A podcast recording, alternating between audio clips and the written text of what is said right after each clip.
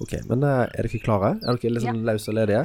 Yes. Klar, klar, klar for litt konflikt? Klar for litt Ja. uh, uenighet? Ja, det er.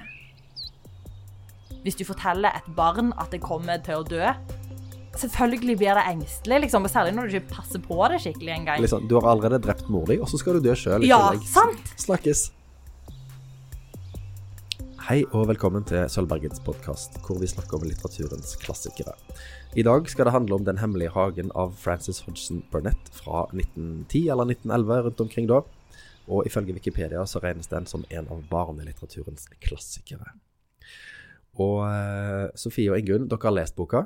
Ja. Eh, Sofie, kan ikke du først si litt eh, Hva er det som foregår i Den hemmelige hagen? Hva er dette for ei bok? Eh, ja, altså her møter vi Mary Lennox, et barn som blir beskrevet som stygt, eh, sutrete og eh, eh, gulaktig, eller liksom at hun ser litt syk ut.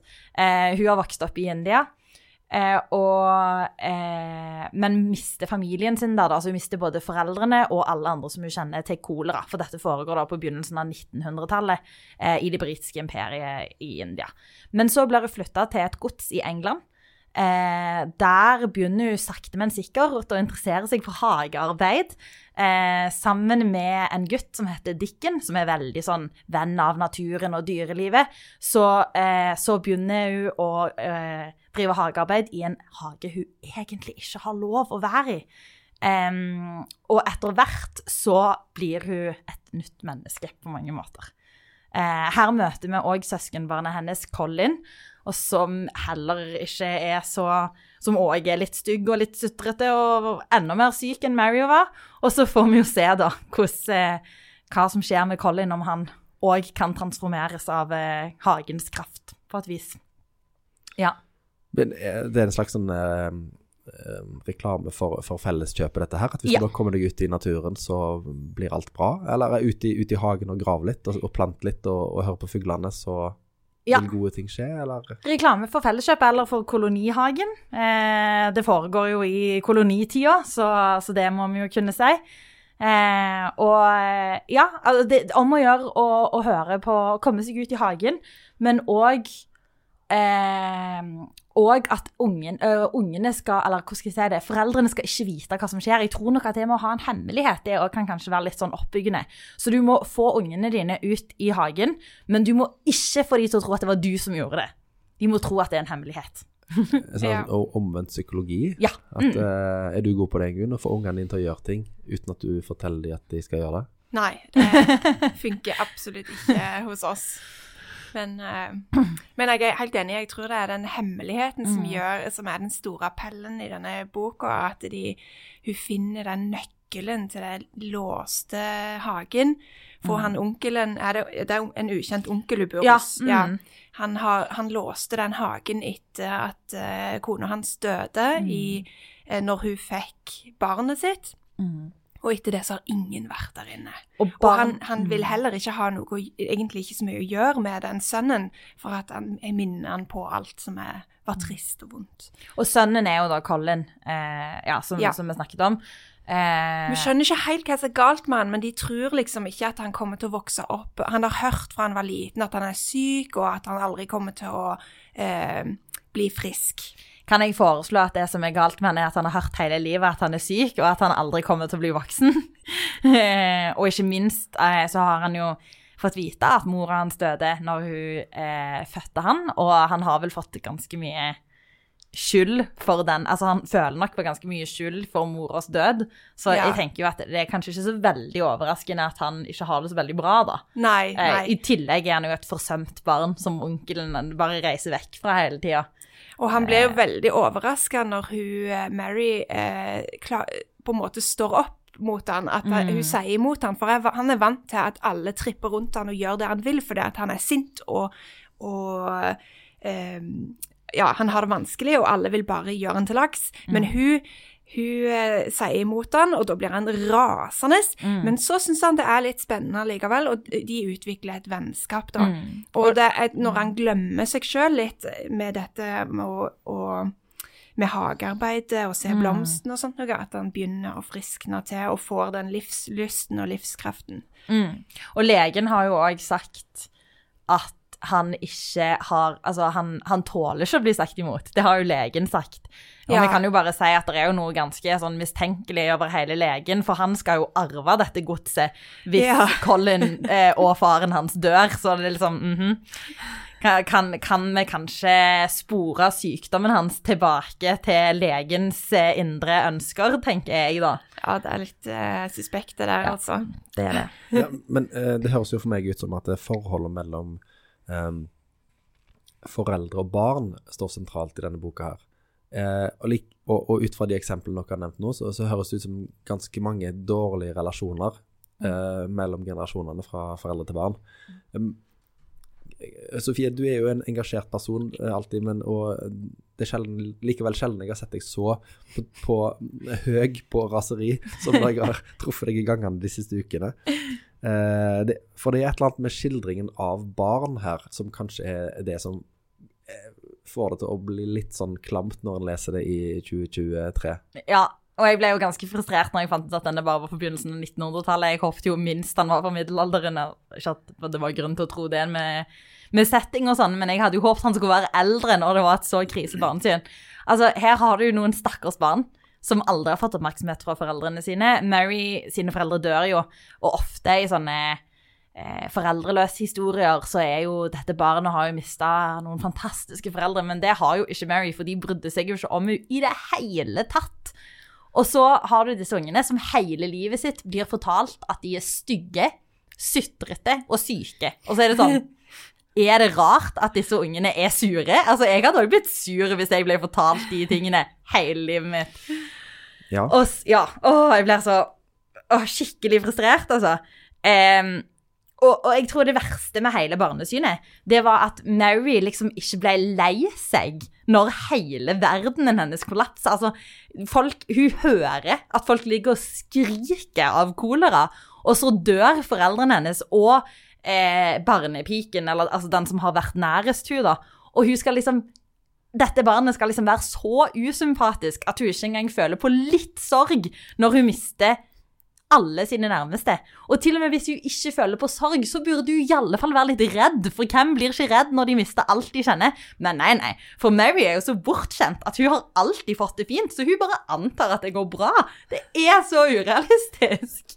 Men det er kanskje litt sånn det var å være barn før. Det var knallhardt. Det var Ja. krav til deg overalt, og det var vanlig og at folk døde rundt deg. Eh, Småsøsken, storesøsken, eh, arbeidsulykker, foreldre, onkler. Ingen ble særlig gamle. Og det var bare å liksom, bøye nakken og gå på. Eh, er det noe vi, vi ikke Altså, det, at det var, kanskje var et mye hardere samfunn sjøl i, eh, i, i liksom eh, britisk overklasse for, for eh, 110 år siden enn i dag. At, vi, at, vi, det oppleves mye råere å lese det for oss enn det gjorde kanskje den gang, da, for de som leste den da. Det tror jeg. Ja, det eneste unntaket her er jo familien til uh, han andre Dickens. Mm. Han, de, de har jo et mer sånn eh, eh, hyggelig familieforhold. Han har mange søsken, Mm. og mora klarer å eh, oppmuntre de med det lille hun har, og ja, de, de er nærmere naturen og sånt noe da, så de blir liksom kontrasten her. Men jeg tror kanskje, sånn som man har sett fra filmer òg fra den tida, at de har barnepiker og um, tjenere, og foreldrene har ikke et så nært forhold til barna. De er sånn Nå kan dere komme inn og spise middag med oss, og så skal de ut og leke igjen eller ha undervisning, liksom. Det, de, det virker som et helt annet eh, foreldre-barn-forhold. Mm. I hvert fall i overklassen, da. Ja, og det er jo nettopp i overklassen, fordi i, eh, i um, Dickens sin familie så har de jo ikke råd til, til å ha alle disse barnepikene og sånn. Men Martha, er jo, som er storesøstera til Dickens, hun er, jobber jo òg på dette godset. Og jeg liker jo veldig godt hun, men til og med hun har jo et grusomt syn på Colin. For hun er jo bare Hun og alle de andre som skal eh, være til hans tjeneste, er jo bare sinte på han for at han får sånne hysterianfall. Men altså, gutten har jo angst. Han ligger jo og er livredd, for han har jo blitt fortalt at han skal dø siden han var spedbarn, liksom.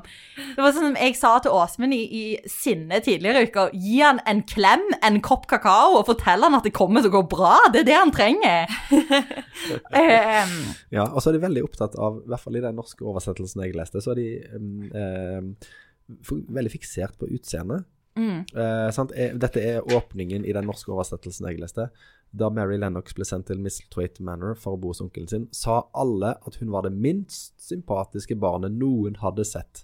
Og det var hun også. Liksom fortelle, gripe fortellerne inn og forsikre seg. Ja, det var sant. Det var akkurat sånn det var. Mary var et sykelig, grettent og stygt lite spedbarn.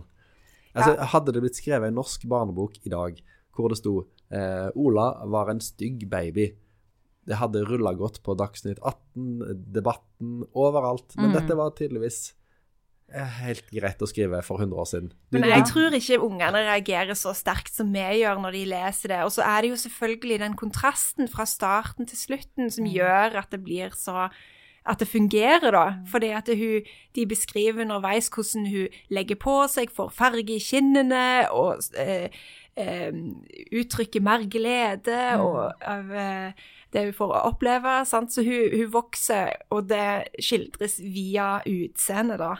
ja, sånn skjønnhet kommer innenfra, liksom. Ja. At du blir eh, vakker når du er Ja, men det, altså, det er jo på en måte en veldig fin ting at hun, at hun eh, For det, det sies òg noen ganger om Colin, for eksempel, at han ler, og så plutselig er han pen likevel, for han òg ble jo beskrevet som utrolig stygg.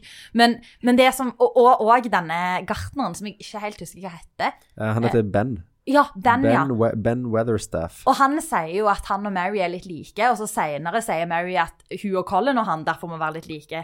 Og han òg blir beskrevet som stygg. Så det verste Altså, her er det, her er det likhetstegn mellom å være sur og sutrete og se stygg ut. Det er ikke greit Det er 2023, liksom, altså. hvis, Nei, du det er, er hvis du er stygg, så, så er det fordi du er et dårlig menneske. Ja! Nettopp! Eh, Ja, det er nok litt utdatert det- i dagens barnelitteratur. Jeg Det er helt sant. det er utdatert. Altså, når hun treffer Ben Weatherstaff eh, tidlig i boka, så sier Ben eh, til Mary, da, til dette lille barnet, vi er av samme ulla, ingen av oss tar oss særlig bra ut, og vi er begge like sure og grinete som vi ser ut. Altså, men hun tar seg ikke spesielt nær av det, da. Nei, det hun, det hun, hun er jo vant til å bli trakassert for, og, og oversett, og i tillegg er, har de mista foreldrene sine. Men jeg har en interessant ting som jeg gjenså nå. Eh, fordi at eh, mora hennes var jo veldig pen, og hun var jo et forferdelig menneske. Så det er faktisk ikke alltid et liv Altså, mora var jo Hun ville jo bare gå på fest og Ja. stikke fra ungen. Så det, hun var jo pen selv om hun var dårlig, da. Men hun var ikke sur. Hun var glad så lenge hun slapp å være med ungen sin. Så likhetstegn mellom å være sur og å være stygg, men ikke mellom å være et dårlig menneske og å være stygg. eh, eh, foreldre som får gå på fest, blir glade. Ja, Det, dette har jeg hørt. Men for hun var det jo ikke en stor ting å gå på fest, for det var jo det eneste hun gjorde. Så, så jeg tror ikke det har samme virkning hvis du går på fest hver kveld. Det vil jeg tro, da. Det er liksom jobben din, ja. Ja, Akkurat- nesten. eh, Litt sånn Mm. som å være sånn Michelin-restauranttester. Ja. Altså, har du spist eh, liksom eh, et eller annet eh, lekkert lite på tallerken hver dag i fem dager, så vil du kanskje ha en Grandiosa på lørdagen. Ikke sant. ikke sant. Ja. Du hadde aldri innrømt det, da? At jeg hadde aldri, innrømt det. Nei, nei Michelin-stjernetesteren hadde aldri innrømt at han spiste Grandiosa på Nei, nei, nei, nei. Eh, Sikkert spist noe, noe annet. eh, Litt eh, sånn eh, shabby chic mat. Ja. Mm. Men altså um, Hva er det som gjør at det er ei så høyt elska bok uh, i barnelitteraturen? Er det, er det denne reisen fra liksom eh, det stygge og det kjipe til liksom, naturens forløsning, eller hva? Ja, altså, jeg syns bare boka var eh, skikkelig spennende å lese underveis. Jeg, husk, jeg har lest den da jeg var liten, så jeg huskte vagt det med å finne en hemmelig hage, og at det var veldig spennende. Eh, men eh, jeg nå husket jeg veldig lite når jeg begynte å lese den. Så aller først i begynnelsen så fikk jeg en annen reaksjon enn dere, for jeg bare lo litt av eh, Jeg syntes det var veldig morsomt at, de, at eh, ungene ble sett på, på, den, på den måten. Og så underveis la jeg jo merke til de endringene som skjedde, at det hadde med naturen å gjøre, og det hadde jeg ikke tenkt på når jeg var liten og leste boka. Men så var det òg disse vennskapene mellom uh, Colin og Dicken og Mary, som jeg syns var veldig fint beskrevet, og egentlig òg han gartneren. Han har jo òg en liten sånn fugl som han plystrer til, som kommer og nærmest uh, mm. kommuniserer med de. Og det òg er veldig koselig uh, syns jeg. Og beskrivelsen av hagen, hvordan den vokser fram fra først eh, knopper under snøen, og så smelter snøen, og våren tar mer tak. Um, og det, jeg syns det er beskrevet veldig levende. så Du får liksom lyst til å gå ut og grave i, i hagen og se ting vokse og gro. For det er jo kanskje noe alle barn drømmer om når de går i skogen og sånn eh, når de er små, at det, kanskje bak, inni bak disse trærne her så finnes det noe helt fantastisk. Eh, sant? Det der å ha sånne små prosjekter i naturen, det kan jeg kjenne veldig igjen fra jeg var liten. Ja. Å ha en, sko Ja. ha en skog som er din, eller ha liksom en, et lite fristed hvor Ja, Lage ei lita hytte, ikke sant. Ja, sant, alt det der. Og så bli venn med dyr. Mm. Det tror jeg òg er en stor sånn til, Har en tiltrekningskraft hos barn. At det liksom Han sitter jo og klapper en kanin, han der dikken, og Ja, ja. eh, de plystrer til den fuglen. Sant? Du, du får et sånn eh, vennskap mellom mennesker og dyr. Det tror jeg unger liker veldig godt nå òg, og ikke Mm. bare for 100 år siden.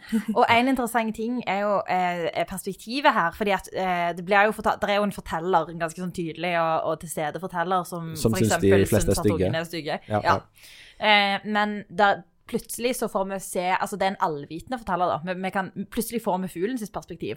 Og den reflekterer jo over at ja eh, de var litt rare, disse ungene, men, men de var sammen med Dikken. Og Dikken var jo mer som en fugl enn som, en, eh, som et barn, for han snakket jo fuglespråk og, og gikk som en fugl og sånn. Så derfor stolte han på ungene, selv om de var litt rare, og selv om den ene ungen måtte sitte i en stol og måtte legge seg ned når han hadde gått noen meter. Så, så det, er jo, det er jo litt gøy, tror jeg, for unger òg, at det liksom plutselig er fuglen der og mener ting, liksom. Ja. Eh, og iallfall, jeg leste den jo eh, i eh, sånn unabridged originalutgave på engelsk, og da er det jo veldig sånn her En fugl som står og mener ting på tidlig 1900-tallsengelsk. Det er ganske morsomt. Um, Ja, du hørte den som lydbok. ja. Det gjorde jeg Mm. òg, og det var utrolig underholdende med dialogen. For det er brukt veldig eh, tydelig dialekt. Mm. Eh, som eh, eh, til tider var det nesten litt vanskelig å forstå, syns jeg. Men de har eh, mye sånn eh, eh, Sånn ei Ja. innimellom. Ok, og det irriterte meg litt. Gjorde det? Ordet ei skjedde altfor mange ganger. Altså, hvis du hører lydbokversjonen, så ja. Men jeg syns det var veldig gøy, da, fordi at jeg, jeg har jo bodd i York, og dette skjer jo i Yorkshire. Eh, og Det er jo ingen i York som snakker sånn eh, 1900-talls Yorkshire-dialekt lenger, men eh, jeg hadde en eh, foreleser som, som snakket litt sånn for å vise oss hvordan det var, da. Eh, så jeg syns det var veldig gøy. Det var Jeg òg sånn likte det skikkelig godt. ja. Det var et kult grep, og det tydeliggjorde òg veldig godt uh, de ulike karakterene. De fikk på en måte sin egen stemme, Mm. så det var lett å henge med i Mm. lydbokversjonen. jeg har bodd i York, og når jeg bodde der, så studerte jeg viktoriansk litteratur. Eh, og da leste vi en del sånne short stories eh, om barn. Altså, nei, ikke om barn, for barn. Altså korte fortellinger for barn, som var på en måte den vanlige eh, barnelitteraturen i viktoriansk tid. 1910, da er jo dronning Victoria død, så det er jo etter Altså, hun døde jo i 1901, så, hvis jeg husker rett, så det er etter viktoriansk tid, da. Men det som var med de fortellingene, var at da òg var jo ofte ungene sure og sutrete og stygge. Eh, men det gikk ikke bra for dem, sånn som det gjør her. De, de, eh, de er vanskelige og nysgjerrige, så de hopper opp på et tak eller noe, og så detter de ned, og så dør de. Det er, ja, det er sånn de ender. moralske fortellinger. Du skal ikke gjøre dette. Nettopp. Lære av det. Og jeg føler er jo at denne er òg en moralsk fortelling. Men her er det liksom hva skal det sure og sutrete barnet gjøre? Så jeg føler det er jo en positiv utvikling innenfor barnelitteraturen, fordi okay, det ikke så- ender med det- død og fordervelse. Så det Ja. du sier her er at eh, for oss i dag så ser, så ser dette veldig hardt og brutalt ut. Og men, moralsk. Men sa, i samtida så var dette en ganske sånn lett og ledig, eh, optimistisk barnefortelling. Ja. For det, det- resten som ble skrevet, var såpass utrolig enda mer barnefiendtlig. barnenedvurderende. Ja, altså i de okay. eldre utgavene så dør Altså Mary Lennox hadde endt opp Ja. Hun hadde ikke overlevd denne fortellingen eh, hvis den skulle vært skrevet som mange av de var. Eh, og de fortellingene var jo veldig moraliserende òg, for sånn som Ingunn sier, du skulle liksom lære deg at du, du skulle ikke oppføre deg sånn. Og det føler jeg at henger igjen i denne. Her har vi en ganske sånn moraliserende forteller, Ja. men vi har jo et positivt utfall. Ja, ja, sant? ja. Men det må sies at Alice in Wonderland er fra omtrent samme tiden. Og jeg tenker at der har vi barnelitteratur som fenger, og som ikke moraliserer, og der, der skjer masse absurde og rare ting. Og, og er, og, altså, det har man òg klart å få til, da. Eh, Ja, i ja, ja. samme Ja, den blir en litt stor kontrast, faktisk, Ja. i forhold til dette. Men det må, jeg må bare si en ting. Det er jo egentlig barna sjøl som står for utviklingen her. Ja. De finner sin vei til å bli friskere helt av seg sjøl. Mm. Og helt på slutten så kommer jo han eh, faren tilbake som har vært ute på en reise. Og da virker Jeg får iallfall et sånn glimt av håp om at Ja. han kommer til å eh, ha et annet forhold til barna, eller til, Mm. både til Colin og til Mary eh, etter dette. Ja, for han òg har jo vært deprimert etter at kona døde. Og det, det kommer jo òg fram at han får jo plutselig Altså det er jo nesten sånn magisk realisme der når Colin plutselig klarer å reise seg eller et eller annet, så omtrent samtidig så skjer det et eller annet. For første gang så føler han glede ved å se noen blomster som vokser, eller et eller annet sånt. Så der, der Ja. skjønner vi jo at det er der er noe, noe på gang, at han begynner å se håp, han òg. Så det er jeg enig i. Men det, og det er jo jeg må jo kanskje si at For det, det er jo kanskje ingen hemmelighet, og jeg føler at det kommer litt fram på måten jeg snakker på, at jeg var ikke sånn kjempeglad i denne boka. Jeg skjønner ikke helt hvorfor den fortsatt leses så mye som den gjør. Men det må òg sies at jeg leste et kapittel fra denne boka. Jeg fikk det på lydbok i en eller annen bokklubb. Og men det var et veldig lite utdrag som jeg hørte på repeat, for jeg syntes det var veldig gøy. Og eh, da fikk jeg ikke vite nok om Den hemmelige hagen. Så på et eller annet vis så har jeg alltid trodd at det er noe magisk i den. Altså sånn, Ikke bare at den hagen er fin og litt overgrodd og koselig, men jeg har trodd det var et faktisk liksom, fantasielementer i den hagen. Oh, ja. Så jeg fikk jo òg et litt sånn forventningsbrudd. Fordi jeg trodde det skulle være noe helt annet enn en veldig realistisk fortelling om hvordan hagen vokser, liksom. Eh, så det, det har nok òg spilt inn. Hvis jeg hadde lest Ja. den og visste hva jeg gikk til, så kan det òg være at jeg hadde Ja. tenkt litt annerledes da. Apropos dette med klassikere, at, at de Mm. har gjerne verdier som eh, er gått ut på dato. Eh, er- er det greit, eller er dette en sånn bok som Er, det, er dette barneperspektivet her så forstyrrende at det ødelegger for deg? For at bøker har jo blitt skrevet av eh, menn, Mm. og eh, Ikke denne, da, men ikke denne, men stort sett så er det de er skrevet ovenfra og ned fra et Mm. mannsperspektiv, og alle som ikke er, er, er sterke menn, har fått passet sitt påskrevet. sant? Altså alle kjønnsroller, alle eh, portretter av andre folkegrupper, andre legninger, barn osv. Det, det er veldig mye der som ikke eh, holder 2023-verdinormene. mm. Men er det, er, det, er det det at dette er at dette barnesynet er såpass ulikt det som råder, i hvert fall i, i, i vår kulturkrets i dag? Er det det som gjør at det skurrer så mye sammenlignet med andre klassikere, hvis du forstår hva jeg mener? Altså, jeg føler jo at det eneste er- For du, du, altså spørsmålet er det noe av dette som ikke har overlevd tidens tann, eller Ja. Jeg føler jo at det er mer Spørsmålet må heller være er det noe som har overlevd. Altså, er det noen av disse verdiene som vi faktisk fortsatt kan ha i dag? Folk er veldig glad i hagene sine. Ja, fortsatt. det er det eneste. Dette med at, liksom, at frisk luft og vennskap og latter og sånn, at det kan være godt både for barn som ikke har det så veldig bra, og for eh, de som er psykisk Altså, eh, det virker som at Colin har en eller annen form for psykisk sykdom, og i alle fall veldig mye angst og depresjon. Han vil jo dø i begynnelsen av boka. Så, så at det kan hjelpe, eh, at er frisk luft og gode venner kan hjelpe, det, det tror vi jo fortsatt på. Men det er vel det eneste. For her har vi en bok som ikke bare En ting er barnesynet, det har vi snakket ganske mye om allerede. En annen ting er jo, som jeg nevnte, synet på de som har en eller annen form for altså, psykiske problemer. Colin som ligger og tror at han skal dø, og igjen fordi han har blitt fortalt at han skal dø hele livet sitt, og at han så å si fortalt at han tok livet av sin egen mor i fødsel. Altså, det er jo ikke rart at han sliter. Og reaksjonen til alle som jobber for han, til og med hyggelige Martha, er at han er forferdelig og egoistisk fordi han har hysterianfall. Altså, hvis du forteller et barn at det kommer til å dø, selvfølgelig blir det engstelig, liksom, særlig når du ikke passer på det skikkelig engang. Liksom, du har allerede drept mor di, og så skal du dø sjøl i Ja, tillegg. sant? Snakkes. Og så i tillegg, i tillegg så er det liksom greit, det er koselig med forholdet mellom Mary og Dickon og, og Colin, og vennskapet og latteren og alt det gode som de gjør sammen, men det som virkelig får Colin ut av hysterianfallet, er at Mary kjefter på han. Altså, unnskyld meg, men jeg har aldri sett en person som Altså, tenk å være så dypt i engstelse, en eksistensiell krise, man tror virkelig at man skal dø, og så er liksom det som, liksom, det som skal helbrede denne stakkars personen, er liksom at noen skal komme og skjelle de ut for at de er redde.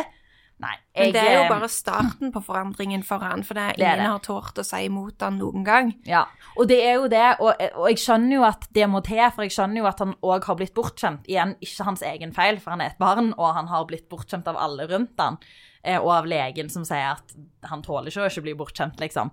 Men, men ja, så jeg føler at både synet på eh, psykisk helse, synet på barn, og så er det jo eh, sant, Vi har jo et britisk imperie her, og en Mary som har bodd i India, og eh, har et veldig dårlig syn eh, på de som eh, Ja. Altså, hun, det, er, det er en del eh, Rasisme. rasisme Ja. i denne boka òg, kan jeg kanskje si. Altså eh, Ja. Synet hennes på, på de, eh, de indiske tjenerne og barnepikene og sånn som hun har hatt, eh, og at de liksom På tross av at hun har fått så mye omsorg, virker det for, som fra denne ene, som fortalte fortellinger og, og sang godnatthistorier. Det er liksom kombinert rasisme og dårlig barnesyn at, at Mary virkelig ikke skal ha fått et godt forhold og et vennskap, og ikke minst en sorg over at denne personen dør, når hun har tydelig vært så god mot Mary, da. Ja. Jeg syns egentlig det er den rasismebiten som er det som ikke har overlevd. Jeg syns ikke de gjør noe med dette her barnesynet, for det kan du liksom forklare litt for ungene mens du leser det. I tillegg så er vi jo vant fra eventyr og sånt noe at det er brutale forhold, så ungene tåler det. Jeg tror, tror ikke de leser like mye inn i det som Sofie gjør. så de sitter ikke og tolker hvorfor, eh, hvorfor det er så synd på på Dicken som bare ligger i Nei, ikke jeg mener en um, Colin, som, Mm. bare, som, som tror han skal dø, stakkar. Det Ja, jeg tror tror det, unger leser det på en litt annen måte, og jeg, jeg hadde ikke hatt noe problem med å lese dette for mine unger, egentlig. Nei. Jeg syns den er en god fortelling, og um, jeg syns det er bare morsomt, egentlig. Ja, for, altså, vi, vi må Ja. ikke undervurdere unger helt. Altså, vi har jo kanskje alle lest disse bøkene om eh, Lotta av Mm. Astrid Lindgren, som jo er en uspiselig unge. Mm. Hun er jo sjølopptatt og frekk, eh, men, vi, men unger plukk, tar jo den, da. At eh, Lotta, jeg skal ikke være Lotta, selv om hun er litt artig å lese om, men jeg, jeg, Mm. Ja, jeg ikke skal, det er ikke sånn det skal være. Nei, men, Mm. eh, Eller, men, eller Karlsson på taket, men- for å holde oss til Astrid Lindgren. Han er jo, Uff, ja, han han er jo den største psykopaten på to bein. ja. men mitt problem er jo, med, med barnesynet her er jo ikke at, at Mary er kjip, liksom. Det får hun lov å være. Men det er denne ideen om at altså det, det virker jo som at voksenpersonene har bestemt på forhånd at disse ungene er grusomme, og bare eh, alt som bekrefter at de er grusomme, det aksepterer de, og når de begynner å bli hyggelige, så er det liksom en sjokkopplevelse. For, altså, ja, det er jo det jeg reagerer mest på det. Og i, i tillegg så har man jo altså synet på, på en måte India og på andre land her òg er jo ja, britisk imperiesyn, på en måte. Vi har jo, altså En av begrunnelsene for at Mary ser så sykelig ut, det er jo at hun har vokst opp i India, og der er det så varmt. og altså, Det er jo, det er jo helt absurd. Um, Ja, Så, det er mye ja. bedre å vok vokse opp i Yorkshire, hvor det er vått og regner hele året, og kaldt og Ja. blåser. Det, det blir du nok frisk og god av. det, altså, det er jo det som skjer, da. Hun blir jo frisk og god av det. Ja, men, jeg har ikke bodd i Yorkshire, men jeg Nei. tror ikke at det er Provence, sånn som det skildres i denne boka. Nei, det er Altså, det Vi hadde en veldig fin sommer der. Når jeg, jeg bodde jo bare der et halvt år. Men, eh, men det var utrolig kaldt på vinteren. Og så er det ofte eh, ikke like Altså, nå bodde jeg billig studentlokaler eh, òg, på en måte, men ikke like godt isolert eh, som det er i Norge. Så du, man, man kronisk fryser, liksom.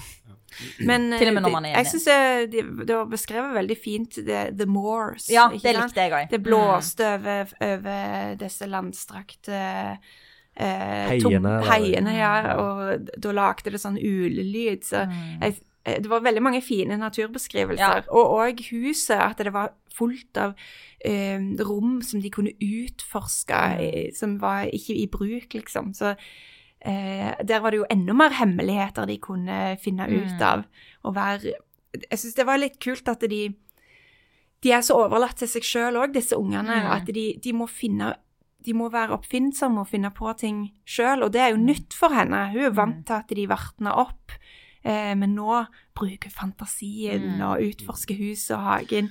Mm. Og det er jo blitt en trope i barnelitteratur, da. For det er en grunn, altså nesten, altså Harry Potter er foreldreløs, Pippi er basically For, Altså faren er Mora er i himmelen, og faren er på havet. Altså det, det er veldig mange av de store barneheltene som ikke har Nettopp fordi de ikke blir passet på hele tida, så kan de finne på masse rart. Det er det jeg tenker at det er på en måte litt av uh, idealet i, i mye av barne- og ungdomslitteratur som skrives i dag, er ikke at de skal være foreldreløse, det er ikke et poeng, men eh, vi setter veldig høyt det der med barns autonomi. Mm. Altså, Tenk på eh, mange av de der store barnebokseriene. De foregår Foreldrene er der, men det er ungene som liksom styrer showet. sant? Den der verdens kuleste gjeng av Maja Mm. Lunde, det er jo gjengen. Foreldrene er med sånn i utkanten. Eller sånn, det foregår litt eh, høyere opp i alder. Askam. Det er jo ikke foreldre der. Nei. Det er ungdommene sjøl som er, styrer sine egne liv, som har sine prosjekter, som har sin verden. Mm. Det setter vi veldig høyt, da, at, at unger skal Og så er det jo Ja. at eh, disse foreldrene er jo ofte eh, Det som på en måte vi kanskje savner litt i denne, nå, siden vi leser den i 2023, er jo at barna skal komme med en viss kritikk av voksenpersonene. Fordi voksenpersonene er jo håpløse i denne boka. Eh, bortsett fra hun der eh, mora til Martha eh, og, og Dicken, da. Hun er fantastisk. Ja, at det, det, ba, det ba, barnets blikk er liksom eh, det derre uh, Du får sannheten fra barn og fulle folk, Ja, sant? det, det er liksom ikke med. Og Nei. det er jo noe som, er, uh, som vi ser veldig mange av de nyere barnebøkene. For det, der òg er det jo ofte håpløse, uh, håpløse voksenpersoner og rampete unger.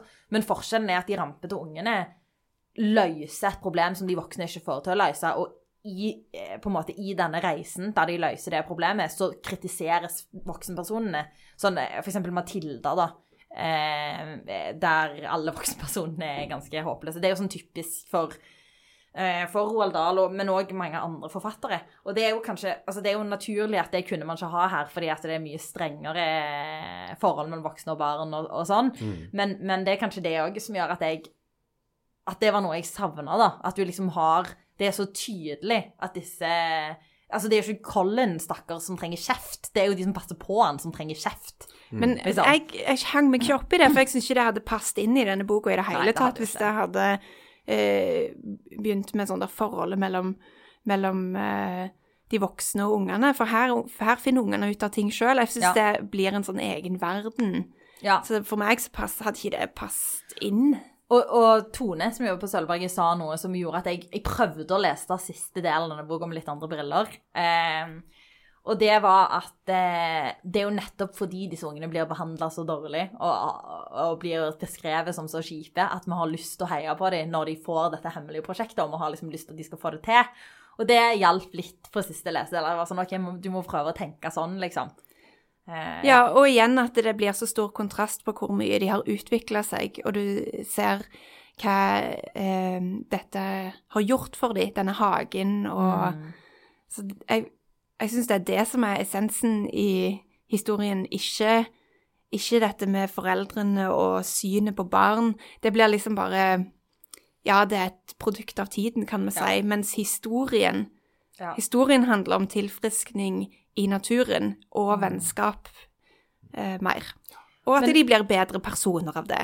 Ja, ja det, er jo, det er jo veldig sant. Og penere, som jeg, som jeg sa. Men jeg, jeg, jeg klarer ikke å se forbi synet på barn. Og kanskje litt òg fordi jeg har le altså Alice in Wonderland har Hun òg er jo litt sånn kjip og kjeder seg og sånn, men, men det er liksom Det er skrevet samme tid, og jeg tror, lurer på om den til og med er litt eldre. Og, men du får ikke den der den vonde mageknipen over hvor forferdelig dette barnesynet er, da. For ikke å snakke om Little Women, som er eldre enn det igjen.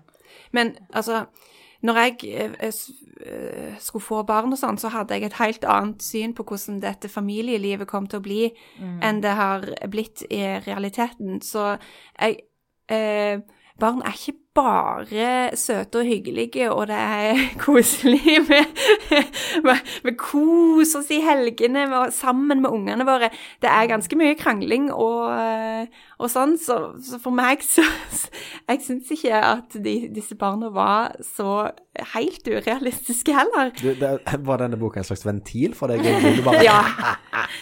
Kanskje det rett og- slett var det. Men jeg syns jo det er urealistisk Eller det som er problemet mitt, er jo ikke at disse barna er sånn som du sier, Lotta, eller altså, Det er mange barn i barnelitteraturen som er ganske rampete og, og sure og tverre og sånn, og det trenger ikke å være et problem. Problemet er måten de behandles på av voksenpersonene, og måten Altså liksom at, at de voksne direkte forteller dem hver dag at de er stygge og sure. Altså, jeg òg Ja, hadde det blitt hjelper jo stygg og ikke. sur hvis jeg hadde blitt fortalt det hver dag. Nei, det er sant, det hjelper ikke, men, men jeg skulle av og til ønske at barn fant ut av ting litt mer sjøl. Sånn som i denne historien. Ja, det er sant? det er De ut og, ut og utforsker og finner på men, Mens vi legger jo opp til hele tida at vi skal Mm. gjøre ting sammen med ungene. Så de, de bare, når de kjeder seg, så forventer de at de, du skal komme med en løsning. «Å, 'Vi kan jo gjøre det', eller 'du kan jo Mm. gjøre det'. Men, her finner de på ting sjøl. Jeg tror jeg syns det var veldig eh, Ja, Sånn var det jo på 80-tallet. Ja. Og hemmeligheten er jo tydeligvis å ignorere dem. Ja, det man må gjøre. ok. Du må ignorere dem, men så må du, må du ta fra de digitale plattformene. Ja, ikke minst. Sant? Ikke Fordi minst. det hålet de havner nede i hvis du bare ignorerer, ignorerer dem. Ja. Ja, iPaden er er vår store fiende. Og så må du gi dem en hage. Det, det, det er jo moralen med denne historien. Ja. din. Du dem en hageflekk. Du, kan, du bor jo på Jæren. De kan vel få være sånn frivillig på en gård eller noe sånt, disse ungene dine? Bare Ja, sånn som de gjorde før i tida, var med og plukke poteter og noe. Ja, jeg skal, skal ringe litt rundt og høre. Veldig bra. Plukke litt poteter. Da har vi fått noe eh, produktivt ut av denne boka. Men eh, før vi går inn for landing, da, eh, i forlengelsen av dette, ble dere inspirert til å gjøre noe eh, nytt i hagen eh, som, nå, som våren nærmer seg? Nei. Sofie? Sofie? Nei? En liten Jeg blir inspirert til å finne en mer inspirerende bok å lese. Jeg gleder meg så sykt til å lese noe annet enn Den hemmelige hagen. Okay, dette klipper Jeg vil ikke tenke på hager. Nei, jeg tuller. Uh, Ingunn, skal du dyrke noe spennende i hagen etter du har lest denne boka? Nei, jeg er egentlig jeg er ikke noe hagemenneske. Nei, ikke Jeg må bare innrømme det, altså. Vi har prøvd å plante litt sånn gulrøtter og sånt noe, og ungene syns jo det er koselig. Men eh, eh, jeg får det liksom ikke helt til. Nei. Det er vanskelig. Men jeg liker å se når blomster spirer og gror, og, og fuglekvitter og sånn, og kjenne igjen fugler. Det er koselig. Så jeg gleder, jeg gleder meg eh, som, nå som våren nærmer seg.